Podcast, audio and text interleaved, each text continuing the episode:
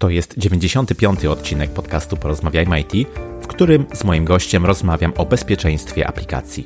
Przypominam, że w poprzednim odcinku rozmawiałem o buzzwordach w IT. Jeśli jeszcze tego nie zrobiłeś, to wystaw ocenę lub recenzję podcastowi w aplikacji, w której tego słuchasz. Zanim odpalę rakietę i przejdę do odcinka, chcę Ci powiedzieć o nowym projekcie, do którego prowadzenia zostałem zaproszony przez ING Tech Poland, dostawcę rozwiązań i usług IT. Projekt ten to Tech Masterclass Podcast, czyli cotygodniowa dawka technologicznych inspiracji i fachowej wiedzy w formie podcastu. W odcinkach posłuchasz rozmów z ekspertami, m.in. o nauce programowania, sytuacji kobiet w IT, przebranżowieniu, a nawet technologii przeciwdziałających praniu brudnych pieniędzy. W ramach Tech Masterclass Podcast słyszymy się w każdą środę rano i już teraz zapraszam Cię do odsłuchania pierwszego odcinka. Podcast jest dostępny na Spotify, YouTube i innych platformach podcastowych. Linki standardowo znajdziesz w opisie tego odcinka pod adresem porozmawiajmyoit.pl łamane na 95. Chcę poszerzać horyzonty ludzi z branży IT i wierzę, że poprzez wywiady takie jak ten publikowane jako podcasty będę to robił z sukcesem. Ja się nazywam Krzysztof Kępiński i życzę Ci miłego słuchania. Odpalamy! Cześć, mój dzisiejszy gość to architekt bezpieczeństwa z kilkunastoletnim doświadczeniem, aktywny konsultant, prelegent i szkoleniowiec. Doświadczenie zdobywał w kraju i za granicą, dostarczając pełne spektrum oceny bezpieczeństwa dla organizacji sektora prywatnego i publicznego. W przeszłości odkrył wiele krytycznych podatności w popularnym oprogramowaniu firm takich jak Apple, Adobe, Google czy Mozilla, bloger i podcaster. Moim waszym gościem jest Andrzej Dyjak. Cześć Andrzej, miło mi gościć Cię w podcaście. Cześć Krzysztofie, ja tutaj od razu powiem, że przyjemność jest cała po mojej stronie. Bardzo, bardzo jestem ucieszony, że udało się trafić do Porozmawiajmy o IT. Też się bardzo cieszę. No i oczywiście tematem naszej dzisiejszej rozmowy nie może być nic innego niż bezpieczeństwo, ale trochę to zawężymy i porozmawiamy sobie o bezpieczeństwie aplikacji. No ale oczywiście nie możemy rozpocząć tej naszej rozmowy bez standardowego, klasycznego mojego pytania na wejście, czyli czy słuchasz Andrzej podcastów? Jeśli tak, to podziel się proszę swoimi ulubionymi audycjami. Oczywiście, oczywiście słucham podcastów, e, więc mm, w zasadzie już od, od paru lat. Zacząłem w 2016 roku, więc to już mija hmm. czwarty rok, odkąd słucham. W zasadzie no, co, co najmniej parę razy w tygodniu odsłuchuję jakąś audycję. Mm, słucham zarówno podcastów e, technicznych, i tutaj z zagranicznych polecam Software Engineering Daily, od którego w zasadzie zacząłem swoją przygodę z podcastami. A mhm. już bliżej bezpieczeństwa takie twory jak Cyber Security Sauna, The Secure Developer i kilka innych y, też się znajdzie z takim wybitnym. Ja akurat niezbyt za nim przypadam, natomiast y, myślę, że dla dużej ilości osób jest y, bardzo fajny. To Darknet Diaries. To jest mhm. podcast, który wyjaśnia różnego rodzaju wydarzenia z cyberbezpieczeństwa z przeszłości i opisuje po prostu ich historię. Natomiast robi w to taki ciekawy sposób.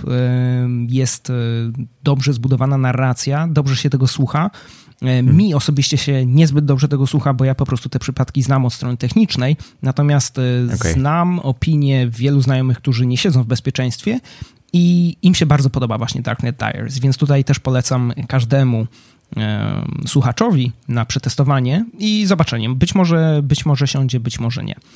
Natomiast mhm. jeszcze z takich nietechnicznych podcastów, ale również zagranicznych, słucham przede wszystkim e, The Joe Rogan Experience. To myślę, że e, jestem aktywnym hmm. i żywym słuchaczem tego podcastu. E, hmm.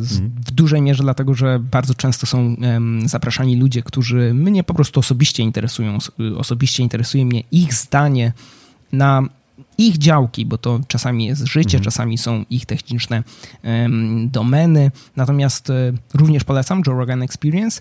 Oczywiście Tim Ferriss Show, um, Lex Friedman Podcast, The Art of Manliness czy Smart Passive Income to są takie gdzieś tam e, dodatki, które też, jeżeli mam trochę więcej czasu, to staram się przesłuchać, staram się e, być na bieżąco właśnie z tymi podcastami.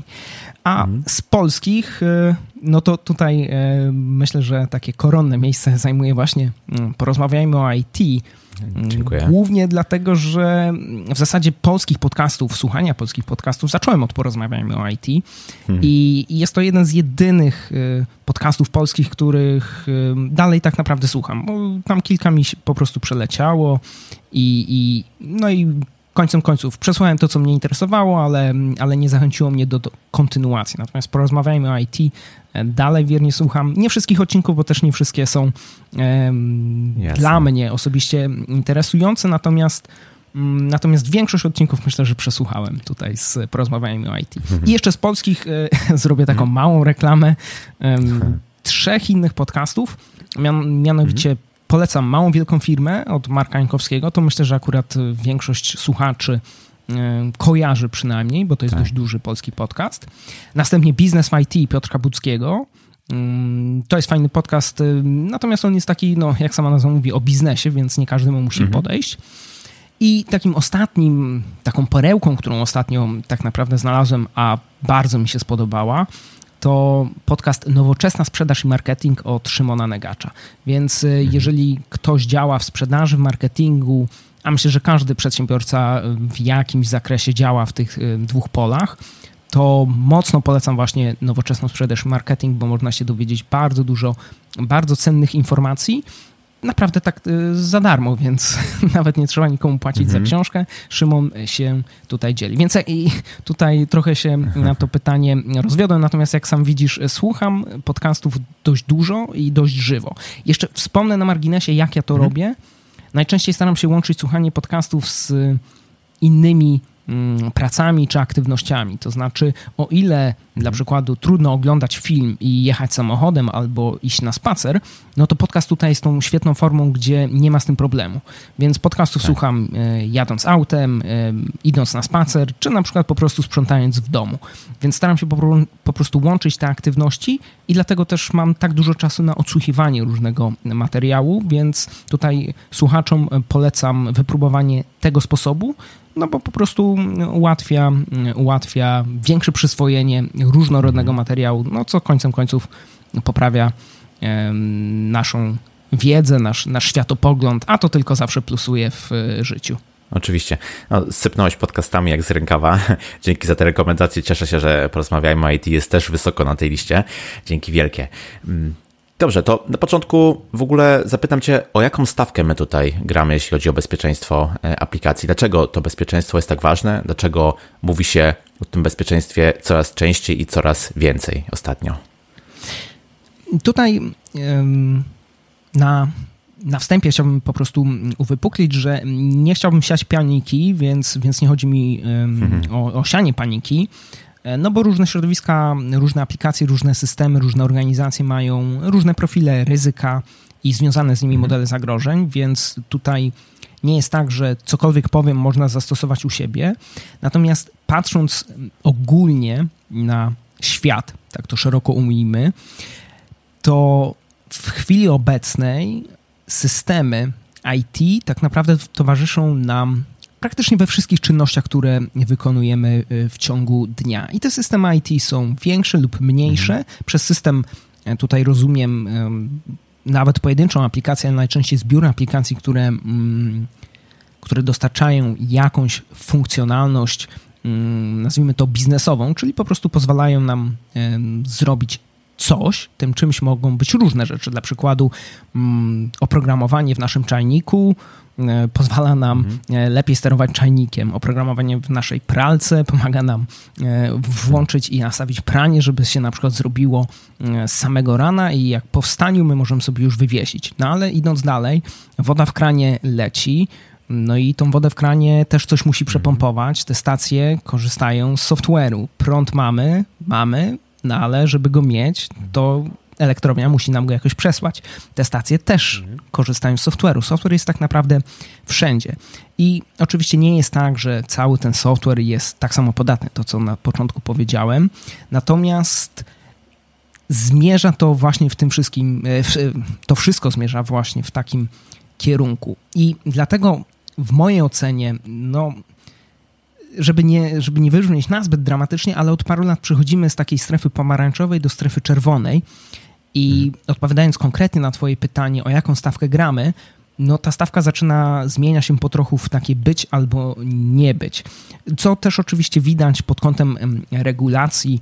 Nie trzeba wspominać o RODO, bo RODO dotyczy trochę czegoś innego, bo dotyczy prywatności, ale być może nie każdy jest świadomy, natomiast my w Unii Europejskiej mamy już regulacje odnośnie cyberbezpieczeństwa, u nas to jest KSC, która definiuje, że podmioty z branży krytycznej, właśnie dla przykładu te, które wymieniłem, dostawcy wody, dostawcy prądu, linie kolejowe, e, samoloty, generalnie wszystkie takie krytyczne dla działania państwa, dla działania infrastruktury, te elementy muszą być poddane jakiemuś nie tyle testowi, co jakiemuś podglądowi od strony bezpieczeństwa. I tutaj też nie każdy, mm, nie każdy słuchacz e, kojarzy, co to jest Security Operations Center, ale tu akurat odsyłam do e, odpowiedniego mhm. odcinka, porozmawiamy o IT, bo, bo nie pamiętam kiedy, ale wydaje mi się, że to było dwa albo trzy, może cztery miesiące temu był o tym mhm. odcinek więc tam każdy słuchacz może sobie mm, doczytać,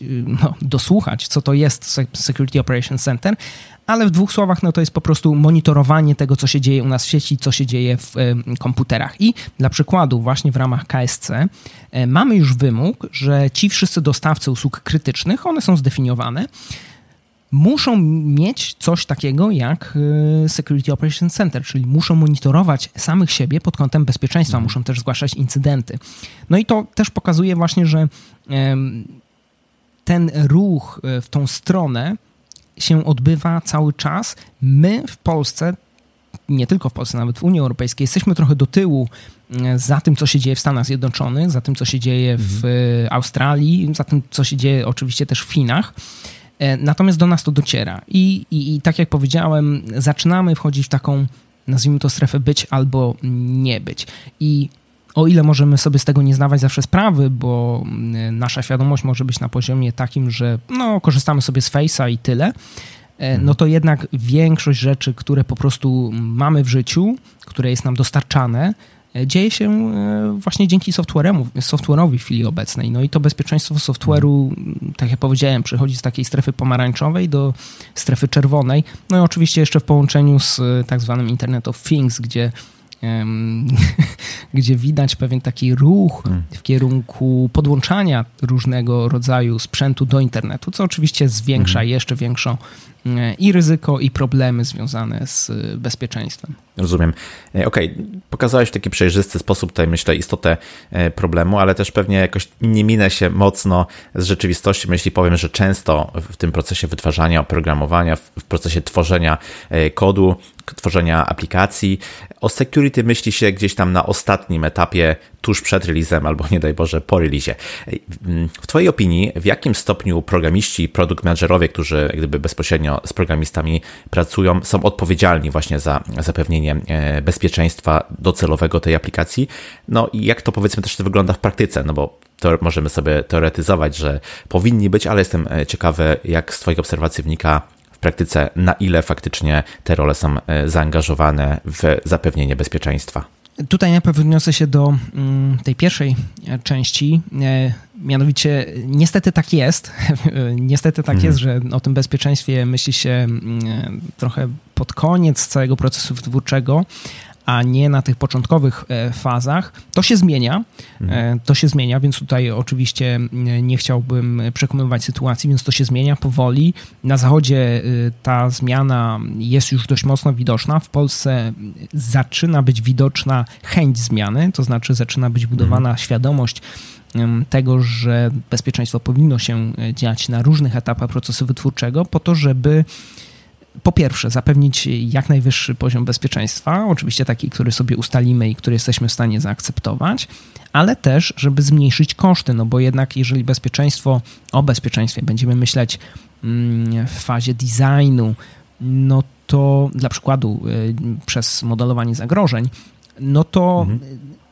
takie, takie ćwiczenie pozwoli nam wyłapać różne problemy już właśnie na etapie designu, czyli my nie popełnimy błędów, które moglibyśmy popełnić, gdybyśmy tego nie zrobili. To jest jeden z przykładów, bo to bezpieczeństwo przesuwa się e, w lewo, tak zwany shift left i ono e, w każdej z faz, zależy oczywiście jaki mamy proces wytwórczy, ale w każdej z faz tych początkowych przed releasem e, ma jakieś kontrole, które możemy mm, uruchomić, które możemy wprowadzić w nasz proces wytwórczy które końcem końców mają nam zapewnić mm, wyższy poziom bezpieczeństwa, ale też oczywiście ze strony biznesowej obniżyć koszt, jakim jest e, bezpieczeństwo. Bo tak jak powiedziałem, jeżeli wyłapiemy coś wcześniej, mhm. to usunięcie problemu kosztuje nas mniej. I zapytałeś e, konkretnie o programistów i menadżerów, e, to znaczy w jakim stopniu oni są odpowiedzialni za, tak. za bezpieczeństwo.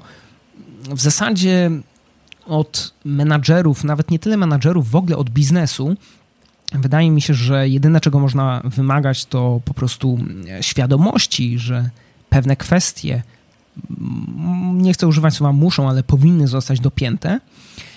Mhm. To już od programisty, czyli osoby technicznej, więc może rozszerzmy to po prostu od ludzi technicznych w procesie wytwórczym, można wymagać e, już jakiejś głębszej wiedzy na temat typowych problemów bezpieczeństwa występujących w technologii, z której e, dana firma korzysta.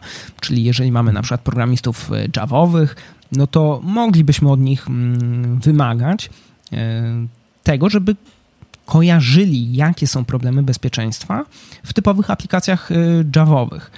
Mhm.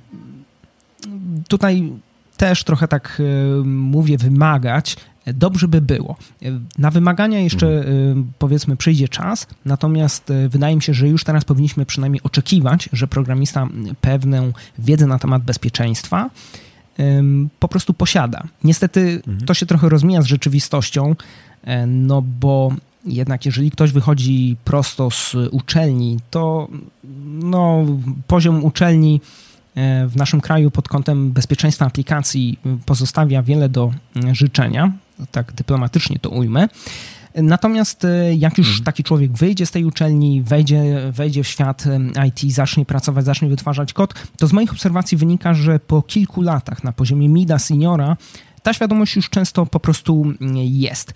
I tutaj zaczynamy mieć trochę inny problem, to znaczy programista zdaje sobie sprawę, że pewne problemy bezpieczeństwa mogą wystąpić, ale, ale biznes no jeszcze, jeszcze nie ma tak wysokiej świadomości w tej kwestii, że, że faktycznie y, rozpoznanie i wyprowadzenie tych problemów już na poziomie myślenia o jakimś rozwiązaniu informatycznym hmm. będzie tańszy, będzie bardziej optymalny. I wtedy to biznes e, staje się takim, nazwijmy to, blokerem. Ja sam byłem w takich. Ja sam byłem w procesie wytwórczym, sam byłem programistą, hmm. więc e, wiem, że na koniec dnia dla biznesu liczy się dowiezienie funkcjonalności, a nie bezpieczeństwo. Tak. I, I, ja zdaję sobie z tego sprawę. Więc ja tutaj nie chciałbym po prostu demonizować ani programistów, ani też biznesu.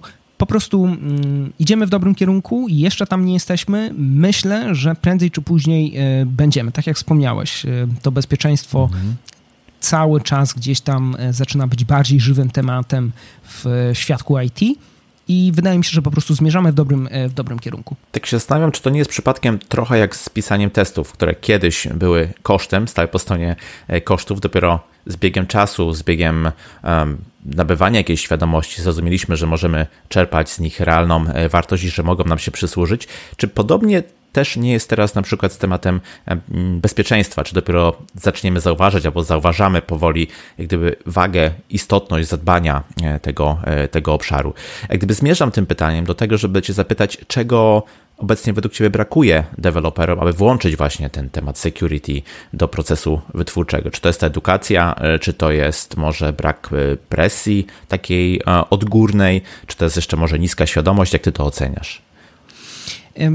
Co, no musielibyśmy to e, podzielić na, ten, e, na te rodzaje, nazwijmy to, programistów. Jeżeli weźmiemy wszystkich i mhm. wrzucimy do jednego worka, to wydaje mi się, że świadomość zespołów wytwórczych, a zespół wytwórczy często jest złożony z e, programistów różnego poziomu, czyli i seniorów, i midów, i juniorów, to jeżeli wzięlibyśmy świadomość zespołów wytwórczych, to wydaje mi się, że jest na poziomie całkiem ok. To znaczy ludzie z mojego doświadczenia kojarzą, co to jest top 10. Nie wszyscy kojarzą e, Application Security Verification Standard, o którym mm. pewnie jeszcze uda mi się opowiedzieć w tym podcaście. Mhm.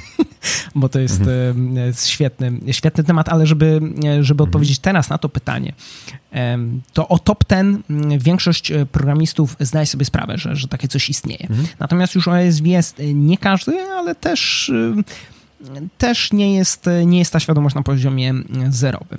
Natomiast jeżeli już wejdziemy do edukacji i wymogów z góry, czyli nazwijmy tych wymogów biznesu, no to, no to sytuacja wygląda trochę, trochę mniej różowo. Mhm. Z kilku względów, ja też nie chcę do końca wchodzić w jakieś głębokie detale, natomiast po pierwsze, e, pod kątem edukacji, w zasadzie dużo szkoleń dostępnych na rynku nie tylko polskim, ale na polskim polski jest mi najbardziej znany, więc na rynku polskim skupia się raczej na bezpieczeństwie z takiego punktu widzenia bezpiecznika, a nie osoby hmm. będącej w procesie wytwórczym. E, takie jak programista, czy dla przykładu tester QA. I to jest problematyczne, hmm. ponieważ e, to często objawia się omawianiem dużej ilości różnych ataków, ale wtedy brakuje skupienia, jak można temu przeciwdziałać. To znaczy, ja kiedyś usłyszałem takie bardzo, bardzo ładne porównanie, które no, wpadło mi w pamięć od razu. Mianowicie, że szkolenia security pokazują, jak wysadzać mosty. A ludzie w procesie wytwórczym, programiści, testerzy, architekci chcą wiedzieć, jak budować bezpieczne mosty. I oczywiście, żeby budować bezpieczne mosty, no to należy wiedzieć, jak się mosty wysadza. Ale ta wiedza nie jest wystarczająca. Ona jest konieczna, ale jest niewystarczająca. Więc y, musimy pójść krok dalej, musimy pokazać, e, jak można to budować, a nie tylko pokazywać problemy, no bo e, taka, takie pokazywanie problemów albo mm, traktowanie sprawy po łebkach, y, ja często przyrównuję do takiego, takiej rady jak jeżeli chcesz schudnąć, to jedz mniej. No, ta porada jest prawdziwa, y, ona będzie działać, tylko że jeżeli osoba chce schudnąć, to ona chce wiedzieć jak, w jaki sposób, w jaki sposób to zrobić, czyli w jaki sposób jeść mniej, a nie mhm. to, że po prostu powinna jeść mniej, bo to jest, to jest informacja, a nie coś, czego można użyć w praktyce. Więc tak. odnosząc to do mm, edukacji w kontekście bezpieczeństwa, szkolenia mm, raczej mają większą wartość wtedy, kiedy pokazują, jak budować ten bezpieczny most, jak budować to bezpieczne oprogramowanie, a nie hmm. tylko jak je wysadzać. I nie chodzi mi tutaj, że trzeba siedzieć z deweloperami i pisać w IDE bezpieczny kod, Natomiast y, po każdym jakimś pokazanym ataku powinno być większe skupienie na to, jak można byłoby mu przeciwdziałać, co można zrobić, żeby, mm. żeby, żeby zastopować taki atak, żeby wyprowadzić taką podatność, a nie tylko, że no to mamy podatność, pokażmy jak ją wyeksploitować, a potem idziemy do kolejnej. Mm. To jest dobre, żeby zbudować świadomość, ale ten drugi krok, czyli edukacja, wydaje mi się, że powinna być czymś szerszym. Natomiast patrząc, wracając do wymogów z góry, czyli raczej do biznesu, e, no to tak jak wcześniej powiedziałem, to się powoli zmienia, natomiast biznes musi być świadomy wagi bezpieczeństwa i znaleźć zasoby, aby je zapewnić na odpowiednim poziomie. Bo często jest tak, że programiści mogą sobie zdawać sprawę z czegoś, z czegoś, co jest problematyczne, ale jeżeli nie mają odpowiednich środków, no to nie będą w stanie, mm, nie będą w stanie nic z tym zrobić. No, a nawet mogą po prostu zwrócić się do biznesu i powiedzieć, że będzie problem, a biznes może powiedzieć, że po prostu akceptuje to ryzyko.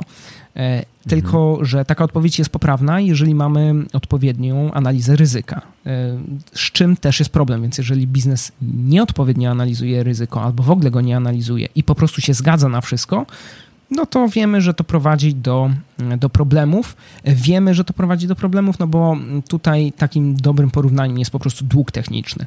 W momencie, mhm. kiedy biznes zdaje sobie sprawę e, z powagi długu technicznego, to możemy coś z nim robić. A jeżeli biznes nie zdaje sobie z tego powagi, no to ten dług techniczny będzie rósł, będzie rósł, będzie rósł, aż do momentu, w którym jakakolwiek zmiana w systemie będzie tak kosztowna, że każdy mhm. będzie się za głowę, za głowę chwytał. No i czegoś takiego byśmy nie chcieli w bezpieczeństwie analogicznie. Tutaj poruszyłeś istotną kwestię współpracy różnych osób, różnych ról, powiedzmy, w firmie. I o ile, powiedzmy, takie pojmowanie działów technicznych jako nerdów zamkniętych w piwnicy, myślę, że możemy sobie włożyć już gdzieś tam e, pomiędzy bajki, o tyle ja jeszcze dobrze pamiętam takie czasy, kiedy programiści, administratorzy, czy też ewentualnie osoby zajmujące się bezpieczeństwem tworzyły trzy takie niezależne działy, niezależne obozy z osobnymi, powiedzmy, celami działającymi zupełnie e, odrębnie. E, później mieliśmy do czynienia z mm, filozofią DevOps, która powiedzmy jakoś tam mocno zbliżyła przynajmniej tych programistów i administratorów, e, ale mówi się też ostatnio o czymś takim, co nazywa się DevSecOps. Dlatego chcecie też zapytać, jak to podejście wpasowuje się w nowoczesne zespoły, no i czym jest, gdybyś mógł powiedzieć kilka słów. Dobra, o DevSecOpsie, o DevSecOpsie to mhm. można powiedzieć, że dość dużo, dość dużo rozmawiam. tak, jak, tak jak DevOps y, w zasadzie składa się na taką zmianę mindsetu odnośnie wytwarzania i utrzymywania oprogramowania, które są widziane hmm. bardziej jako dwie strony tej samej monety, czyli nie jako mm, dwa osobne E, silosy, tylko no jeżeli, kto, jeżeli mhm. piszemy software, to końcem końców chcemy go utrzymywać, a utrzymywanie software'u jest też w jakimś e, stopniu e, wytwarzaniem tego software'u. No tu nazwijmy to takim podziałem logicznym. I tutaj oczywiście na marginesie mm, chciałem zaznaczyć, że te zmiany i DevOpsowe i DevSecOpsowe, o których zaraz powiem, one są możliwe w dużej mierze właśnie dzięki chmurze, która napędziła automatyzację. Hmm w moim odczuciu, tak, tak, jak ja widzę, mm, tak jak ja widzę historię e, stojącą za DevOpsem, stojącą za DevSecOpsem, to właśnie ten, e, ten kawałek, ten obszar e, bardzo, bardzo rzuca mi się w oczy. Mianowicie wzrost chmury, która napędziła automatyzację, a automatyzacja, można powiedzieć, pozwoliła mm, osobom wcześniej działającym tylko w wytwórstwie, tylko w pisaniu oprogramowania, pozwoliła im też, no niejako, pisanie e, infrastruktury jako, jako kawałek hmm. kodu. Jeżeli mamy automatyczną, automatyczną, automatycznie stawianą infrastrukturę w chmurze, no to można popatrzeć, że końcem końców infrastruktura jest kodem. I hmm. bardzo podobnie jest właśnie w DevSecOpsie. Mm, ja często mówię, że DevSecOps składa się w zasadzie na dwa takie główne filary, na kulturę i na automatyzację. I o ile automatyzacja jest bardzo właśnie podobna do tej monety, o której mówiłem mm, w DevOpsie, to znaczy e, jeżeli mamy różnego rodzaju narzędzia, to automatyzując je, te narzędzia stają się pewnego rodzaju kodem. E, więc mając kod, to dość naturalne, że programista nagle zaczyna widzieć to jako kawałek swojej odpowiedzialności, no bo skoro jest programistą, a tak. tutaj ma kawałek narzędzia, które w zasadzie może e, okodować, no to w zasadzie robi to samo, tylko nazwijmy, może nawet nie nazwijmy, tylko po prostu na czymś innym, tak? Nie, mhm. nie robi tego w jakimś frameworku, tylko powiedzmy sobie oskryptowuje jakieś narzędzie. Natomiast od jednego do drugiego to już jest e, bardzo blisko. A pod kątem kultury, i to też się łączy z tym, co powiedziałem przed chwilą, no właśnie, jeżeli mamy programistów, którzy nagle zaczynają widzieć bezpieczeństwo jako, e, jako kawałek ich własnej odpowiedzialności, jeżeli mamy testerów QA, którzy nagle zaczynają widzieć bezpieczeństwo jako coś, co no, w zasadzie to jakieś proste testy bezpieczeństwa mógłbym przeprowadzić, no to hmm. ci ludzie w procesie wytwórczym zaczynają się mm, bardziej identyfikować z problemami bezpieczeństwa, czyli zaczynają nabywać taką odpowiedzialność. Ale to też idzie w trochę drugą stronę, mianowicie, że bezpiecznicy w chwili obecnej um, zaczynają często od jakiejś um, roli w procesie wytwórczym i przechodzą no niejako do specjalizacji, e, gdzie zajmują się bezpieczeństwem. I taka osoba naturalnie będzie inaczej patrzyła na bezpieczeństwo niż osoba, która tak jak było 20 lat temu, 15 lat temu, która tak naprawdę nigdy nie wytwarzała software'u, e, która była typowym bezpiecznikiem, takim, e, tak, tak weszła w IT, e, tym się zajmuje i tym ma zamiar się zajmować przez kolejnych naście lat. Więc to wszystko się gdzieś, nazwijmy to, łączy i dzięki temu mamy po pierwsze DevOps, to samo, tylko w odniesieniu do utrzymywania oprogramowania i DevSecOps, czyli w budowaniu tego bezpieczeństwa w e, DevOps, no a jeżeli je wbudowujemy, no to musimy zacząć patrzeć bardziej na to jako naszą własną e, odpowiedzialność i oczywiście musimy automatyzować. Więc ja tak widzę mhm. DevSecOps.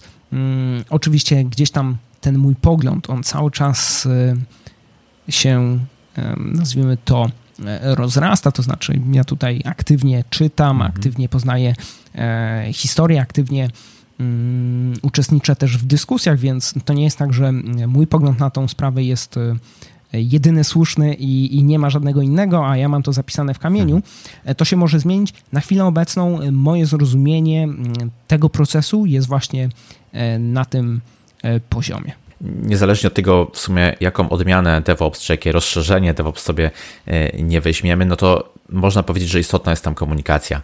I gdy tak sobie spoglądasz, a wcześniej też miałeś okazję, tak powiedziałeś, zresztą uczestniczyć w procesie wytwarzania oprogramowania, gdy spoglądasz, jak inni to, e, to robią, to czy widzisz, że są jakieś braki w komunikacji, jeśli chodzi o, o bezpieczeństwo, albo może które role powinny się ściślej komunikować, e, jeśli chodzi o bezpieczeństwo, a nie robią tego na odpowiednio wysokim poziomie? No, w zasadzie to pytanie jest e, dość mocno połączone z, z tym poprzednim i, i, pewne wątki, mm. o których powiedziałem przed chwilą, to mogły być e, nawet tutaj po prostu wplecione bez, bez przetwarzania żadnego. Mm. Na pewno w bezpieczeństwie w chwili obecnej można zauważyć złą komunikację lub nawet jej całkowity brak. I ten brak mm. może gdzieś tam już trochę jest E, trudniej zauważalny, to znaczy występuje tylko w bardzo e, albo w bardzo dużych podmiotach, które mają mhm. długą historię, czyli po prostu dość e, powoli wchodzą w nazwijmy to digitalizację, albo w, albo w dość małych podmiotach, które po prostu być może niekoniecznie wyciągałyby tak dużo wartości z, całego bezpieczeństwa. Natomiast komunikacja najczęściej. Pozostała wiele do życzenia i można byłoby coś e, pod tym kątem naprawić.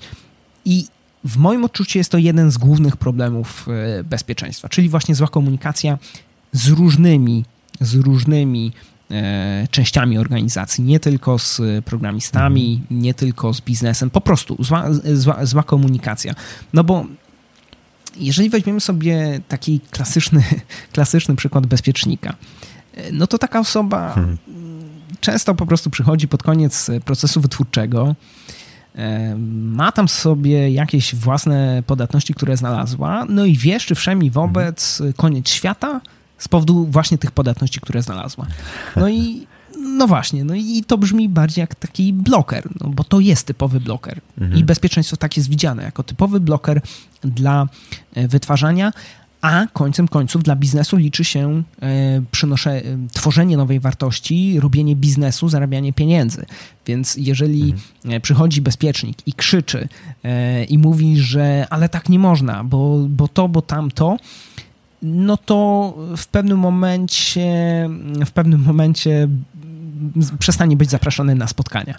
I tutaj mhm. notabene, jeżeli ktoś czytał The Phoenix Project, no to się pewnie teraz uśmiechnie, bo tak to wyglądało właśnie tak. w The Phoenix Project. Mm, tutaj e, świetna książka, polecam wszystkim, więc jeżeli e, słuchacze jeszcze jej nie słuchali, E, nie mhm. czytali, to polecam to zrobić jak najszybciej. E, bardzo dobra książka. Warto, tak. Mhm. E, natomiast właśnie takie podejście typowego blokera, no, ono zamyka drzwi do dalszej dyskusji i w zasadzie wyklucza właśnie bezpieczeństwo z aktywnego udziału w procesie wytwórczym.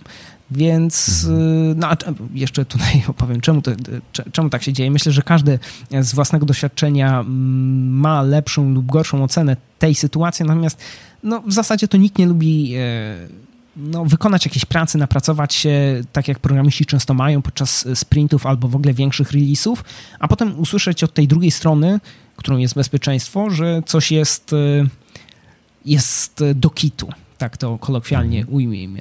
No i jeżeli, jeżeli będziemy tak cały czas słyszeć, y, no to prędzej czy później właśnie przestaniemy utrzymywać, nazwijmy to, relację mhm. koleżeńską i, i będziemy minimalizować kontakt z, mm, z taką jednostką w organizacji. Więc to jest problem typowy właśnie komunikacji. Mm, ja widziałbym taki optymalny proces wytwórczy, gdzie bezpieczeństwo jest częścią wytwórstwa. I to się powoli dzieje na Zachodzie, natomiast mhm. Y, powoli, tak naprawdę powoli, a u nas to dopiero raczkuje. W takim idealnym procesie wytwórczym, y, w momencie, kiedy bezpieczeństwo jest częścią, no to zarówno programiści, jak i testerzy w zasadzie powinni mieć stały kontakt z bezpiecznikami, no i oczywiście na odwrót. Bezpiecznicy też powinni mieć stały kontakt z ludźmi w procesie wytwórczym, tak by wszyscy czuli się częścią większej całości, która ma wspólny cel. No bo jeżeli mamy organizację, to my mamy jakiś cel. I celem nie jest znalezienie podatności, nie jest eksploitacja krytycznej podatności, celem jest wypuszczenie produktu, który ma określony poziom jakości, w tym bezpieczeństwa, bo bezpieczeństwo to jest odnoga jakości. I to jest celem nadrzędnym organizacji, więc poza, pomimo tego, że wewnątrz organizacji możemy być podzieleni na pewne grupy, no bo nie da się zarządzać bardzo dużą grupą naraz, to naszym wspólnym celem tych wszystkich grup jest e, rozwiązywanie pewnych problemów biznesowych, dostarczanie systemów IT, aplikacji, e, które pomagają w wytwarzaniu, e, w rozwiązywaniu tych problemów biznesowych i to jest nasz cel nadrzędny. I powinniśmy to robić na jak najlepszym poziomie jakości, żeby było jak najbardziej bezpieczne, ale nie na tyle. To jest, to jest jak ten cytat. Coś musi być proste, ale nie za proste. I tak samo jest z mhm. bezpieczeństwem. Coś musi być bezpieczne, a nie musi być za bezpieczne. To znaczy, e, nic nigdy nie będzie idealnie bezpieczne. Hmm. E, więc e, z tym no powinniśmy się pogodzić i powinniśmy po prostu wybierać wspólnie te rzeczy, które jesteśmy w stanie rozwiązać, które mhm. mają największy impact i które faktycznie zapewnią nam jakiś poziom systemowy w bez, e, bezpieczeństwa. I, mhm.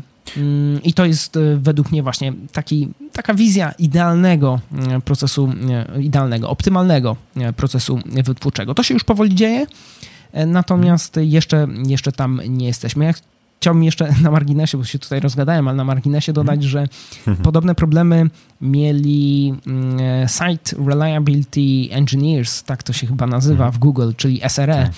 E, oni mieli podobne problemy e, w momencie, kiedy ta rola powstała, chyba jeszcze w e, poprzednich, no z 15 lat temu w Google.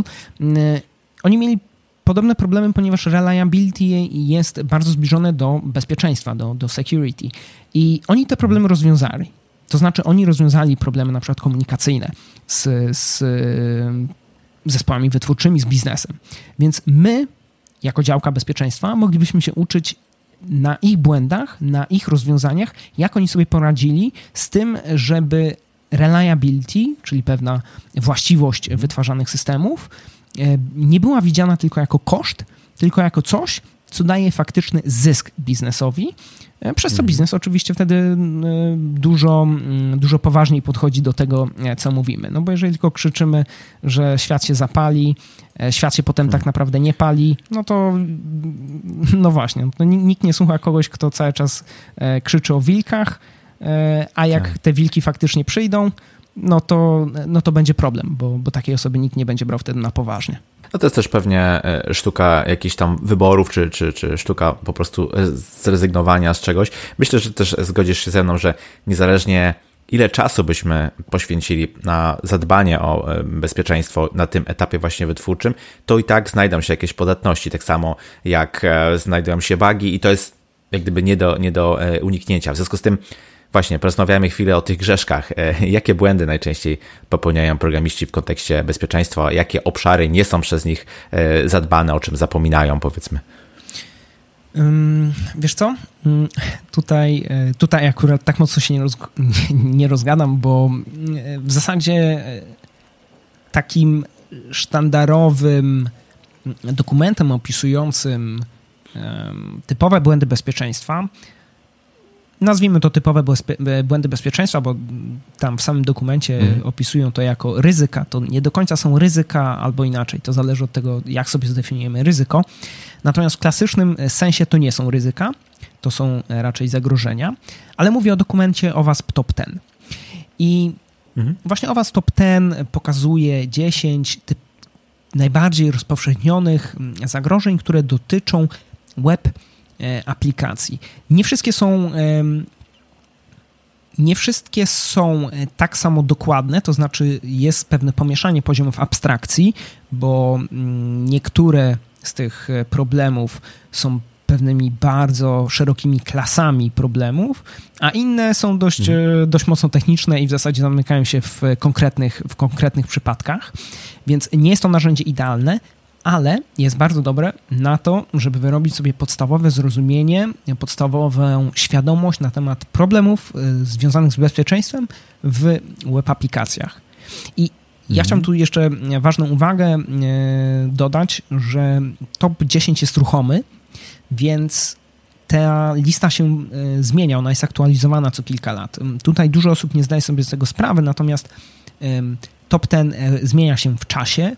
On jest aktualizowany najczęściej co 3-4 lata, co, co ma w zasadzie mhm. sens, no bo pewne klasy podatności umierają, a inne się rodzą e, wraz ze wzrostem pewnych e, technologii. Więc e, mhm. to trzeba mieć na uwadze. Tą właśnie, tą właśnie ruchomość. Najnowsza lista jest z roku 2017, czyli jest już dość stara i prawdopodobnie pod koniec tego roku, a najprawdopodobniej w przyszłym powstanie nowa lista. Ona już jest w trakcie tworzenia, więc e, mhm. będziemy mieć e, nową listę OWASP Top 10, która będzie definiować nowe, aktualne e, problemy z bezpieczeństwem. Natomiast jeszcze żeby tak cię nie zbywać tylko tym OWASP Top 10, mhm. no to możemy popatrzeć na sprawę z takiego bardzo wysokiego poziomu rozdzielczości, z takiej bardzo, bardzo wysokiej rozdzielczości. I mhm. jeżeli popatrzylibyśmy na to w ten sposób, to w moim odczuciu można wyodrębnić dwa rodzaje, dwa, nazwijmy, zapachy błędów. Po pierwsze, nadmierne zaufanie do danych wejściowych i tutaj, o ile się... Yy, chwila. O ile się nie mylę, to chyba 4 z 10 klas podatności z OWASP Top 10 mhm. dotyczą właśnie niebezpiecznej obsługi danych wejściowych. Mm, cztery na pewno. Y, teraz sobie to mhm. przeliczam w głowie. Mhm. Y, tak, wydaje mi się, że y, konkretnie cztery z tych klas podatności mm, dotyczą właśnie niebezpiecznej obsługi danych wejściowych. No, a takim drugim, drugim zapachem w, w kodzie jest pojawienie się, objawianie się raczej syndromu not invented here czyli mhm. coś, co po prostu powoduje, że mm, programiści wymyślają koło na nowo, zamiast użyć dostępnych rozwiązań. I tutaj dobrym przykładem może być e, uwierzytelnianie czy kryptografia. Jeżeli możemy skorzystać z dostępnych, ogólno, e, ogólnodostępnych bibliotek, które zapewniają nam pewne mechanizmy, no to nie piszmy ich od nowa, chyba że mamy naprawdę mocny mhm. biznes case, czemu powinniśmy to robić bo mm, implementacja różnego rodzaju mechanizmów no, zwiększa po prostu prawdopodobieństwo popełnienia błędu. Im więcej kodu piszemy, mhm. tym więcej błędów możemy popełnić. Więc jeżeli musimy sami zakotować uwierzytelnianie, no to statystycznie popełnimy więcej błędów, niż gdybyśmy tego nie musieli mhm. robić a już o kryptografii to nawet nie będę rozwijał, bo to e, po, po, po, po, prostu lepiej nie pisać własnego krypto. W krypto to jasne, jasne. ludzie zajmujący się tym na co dzień popełniają błędy. E, to, co dopiero mhm. jeżeli ktoś po prostu e, hobbystycznie, czy nawet profesjonalnie musi zakodować coś konkretnego. Nie, nie. Tutaj, tutaj ewidentnie trzeba użyć jakiejś dostępnej biblioteki. Pewnie. Tutaj mocno odradzam. Mhm. Więc, więc te dwa, tak. czyli z nadmierne zaufanie do danych wejściowych i e, syndrom non-invented here, czyli e, mhm. wymyślanie koła e, na nowo. To są takie dwa smaki w procesie wytwórczym, które no najlepiej najlepiej przynajmniej być ich świadomym. Więc jeżeli jesteśmy już ich świadomym, mhm. to potem możemy wyłapywać problemy związane z tymi smakami, zapachami w momencie, kiedy mhm. pojawiają się gdzieś tam obok nas, albo w, naszej, albo w naszej pracy, więc nawet nie tylko obok, tylko w naszej. Najlepszy kod to taki, który nie został napisany. Właśnie powiedziałeś trochę o, o WASP. To są takie fajne inicjatywy, które mają za zadanie wychwycenie takich najczęściej e, powtarzanych klas, na przykład e, podatności. Myślę, że warto, tak jak sugerowałeś, się z tym zapoznać. Myślę, że to się może po prostu programistom przydać. Czy są jeszcze jakieś inne inicjatywy tego typu, które, o których warto byłoby powiedzieć? Wiesz co, tak, generalnie OWAS jest dość płodny pod kątem narzędzi, pod kątem Tak, no, no nazwijmy to narzędzi, które mają pomóc bezpiecz... nie tylko bezpiecznikom, ale przede wszystkim programistom, testerom QA właśnie w bezpieczeństwie. Ja tutaj najpierw chciałbym sprostować mm, konkretnie, czym jest OWASP, bo też często nie każdy, nie każdy ma mm, pełne zrozumienie, czym jest OWASP. OWASP y, to mhm. jest po prostu organizacja non-profit y, z siedzibą w US of A. Y, OWASP to rozwinięcie do skrótu, nie do skrótu, to rozwinięcie skrótu to Open Web Application Security Project co końcem mhm. końców nie jest już w 100% zgodne z prawdą, ponieważ e, w OWASP-ie można spotkać różnego rodzaju projekty, nie tylko związane z web aplikacjami. Po prostu od tego się wszystko zaczęło i wtedy mhm. została stworzona nazwa i, i tak to po prostu już jakoś wyszło, że dalej ma to web application, chociaż tak naprawdę zajmuje się dużo szerzej, bo zajmuje się oczywiście i mobilkami, i desktopowymi, generalnie każdymi aplikacjami, które można wytwarzać i które działają na komputerach. A czy ten komputer to jest nasz desktop, czy ten komputer to jest jakiś serwer, czy ten komputer to jest nasza komórka, końcem końców to są komputery. Więc, mhm. tak jak powiedziałem, organizacja wytwarza bardzo dużo różnych projektów. Takimi flagowymi, w zasadzie i dla programistów, i dla testerów QA, to jest to, co powiedziałem wcześniej, czyli OWASP Top 10. I tak jak wcześniej wspomniałem, on jest świetny do budowania podstawowej świadomości problemów bezpieczeństwa, ale istnieją, e, istnieją lepsze narzędzia, jeżeli chcemy już faktycznie e, faktycznie zapewniać bezpieczeństwo naszych aplikacji, czy to tak systematycznie w procesie wytwórczym, czy nawet jednorazowo, po prostu istnieją lepsze e, narzędzia i zaraz o nich wspomnę. Natomiast jeszcze, mhm. jeszcze będąc przy OWASP Top 10, to chciałbym uwypuklić, że tak samo jak samo Top 10 jest zmienne w czasie, to istnieją różne listy top 10, więc OWASP mhm. ma coś takiego jak top 10 API Security czy top 10 Serverless.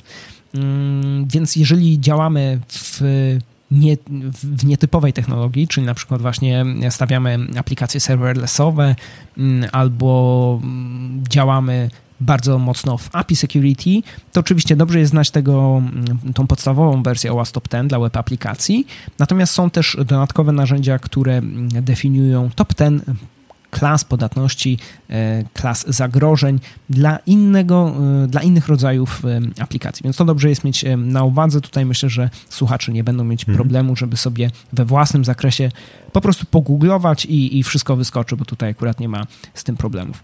Natomiast idąc dalej do tych narzędzi, które mają w zasadzie pomóc już tak bardziej skrupulatnie oceniać bezpieczeństwo, no to takim głównym tutaj narzędziem jest Mhm. To, o czym wspomniałem wcześniej, Application Security Verification Standard, czyli e, coś, co skraca się do ASVS oraz pochodny Mobile Application Security Verification Standard, e, skracany również do mhm. MASVS.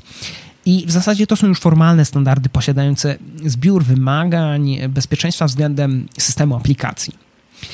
I o ile ASVS i MASVS jest mocno przydatny dla programistów, no bo mając takie wymagania, mając takie kontrolki, które należy zweryfikować w naszej aplikacji na odpowiednim poziomie, bo one mają swoje poziomy, więc ASVS ma e, trzy poziomy, a MASVS ma dwa poziomy. Mhm. One się po prostu różnią e, ilością e, kontrolek do, do weryfikacji. Więc mając y, ASVS-a i MASVS-a, no to to jest przydatne dla programisty, no bo może sobie coś takiego przeczytać, zobaczyć, aha, czyli powinienem zweryfikować mhm. to, no jeżeli powinienem zweryfikować, no to powinienem zapewnić, że moja aplikacja pod tym kątem jest bezpieczna. Natomiast y, w samych tych standardach nie ma mhm. opisu, w jaki sposób to testować. I oczywiście, jeżeli ktoś się zajmuje bezpieczeństwem, to nie będzie miał z tym problemu e, po jakimś czasie, no bo to jest jego praca. Natomiast e, programista albo tester QA, no podchodząc do tego e, za pierwszym czy drugim razem, może mieć problem, albo może mieć też na przykład błędne zrozumienie, jak coś należy zweryfikować, więc może zweryfikować to nieodpowiednio. I tutaj wkraczają mm, takie narzędzia, które się nazywają Testing Guides. I te Testing Guides są zarówno dla e, web aplikacji, to wtedy się nazywa mhm. Web Security Testing Guides, WSTG, ale są też dla e, aplikacji mobilnych. Mobile Applications Testing Guides chyba, MSTG, tak. I to są dokumenty, które opisują w jaki sposób należy weryfikować pewne właściwości systemów pod kątem właśnie bezpieczeństwa. Y, tylko tutaj ten myk jest fajny, dlaczego wspominałem o tym właśnie mówiąc o ASVS i MASVS? Dlatego, że mm, OWASP Testing Guides y, i dla mobilnych, i dla web aplikacji, one są połączone z tymi standardami do weryfikacji. Więc jeżeli mamy na przykład ASVS-a, no to będziemy mieć jakiś podpunkt w testing guidesach, jak mhm. zweryfikować daną mm, kontrolkę. E, więc to jest na pewno bardziej przydatne, czy to dla programisty, no, czy dla testera QA, to ja myślę, że nawet y, można powiedzieć, że na wagę złota, y, no bo y, przejrzenie i wyuczenie się całego takiego dokumentu, oczywiście z czasem, bo, bo, bo nic się nie zrobi w, tam w jeden dzień, natomiast mhm. przechodząc przez taki dokument, wykonując kilka razy taką weryfikację, no myślę, że dana osoba bez problemu nauczy się, jak weryfikować pewne aspekty bezpieczeństwa, dzięki czemu będzie raz miała większą wartość e, samym, e, w samej mhm. organizacji, w której działa, no a dwa, no będzie po prostu też e, mądrzejsza, a można powiedzieć, że wiedzy hmm. nigdy za dużo. I jeszcze wspomnę o jednym narzędziu, natomiast tutaj naprawdę, naprawdę króciutko. Mianowicie jest jeszcze coś takiego jak Software Assurance Maturity Model. To jest skracane do SAM i to jest model dojrzałości bezpieczeństwa w procesie wytwórczym. Więc e, to w zasadzie jest takie wysokopoziomowe narzędzie, które służy do i implementacji procesu Secure SDL, e, SDLC w organizacji, ale również do mierzenia stopnia dojrzałości, więc pozwala nam nie mhm. tylko e, zaplanować, jak moglibyśmy wdrażać bezpieczeństwo w procesie wytwórczym, ale też potem pozwala nam ocenić się, jak nam to wypadło i na przykład do jakiego poziomu chcemy dobić w różnych obszarach.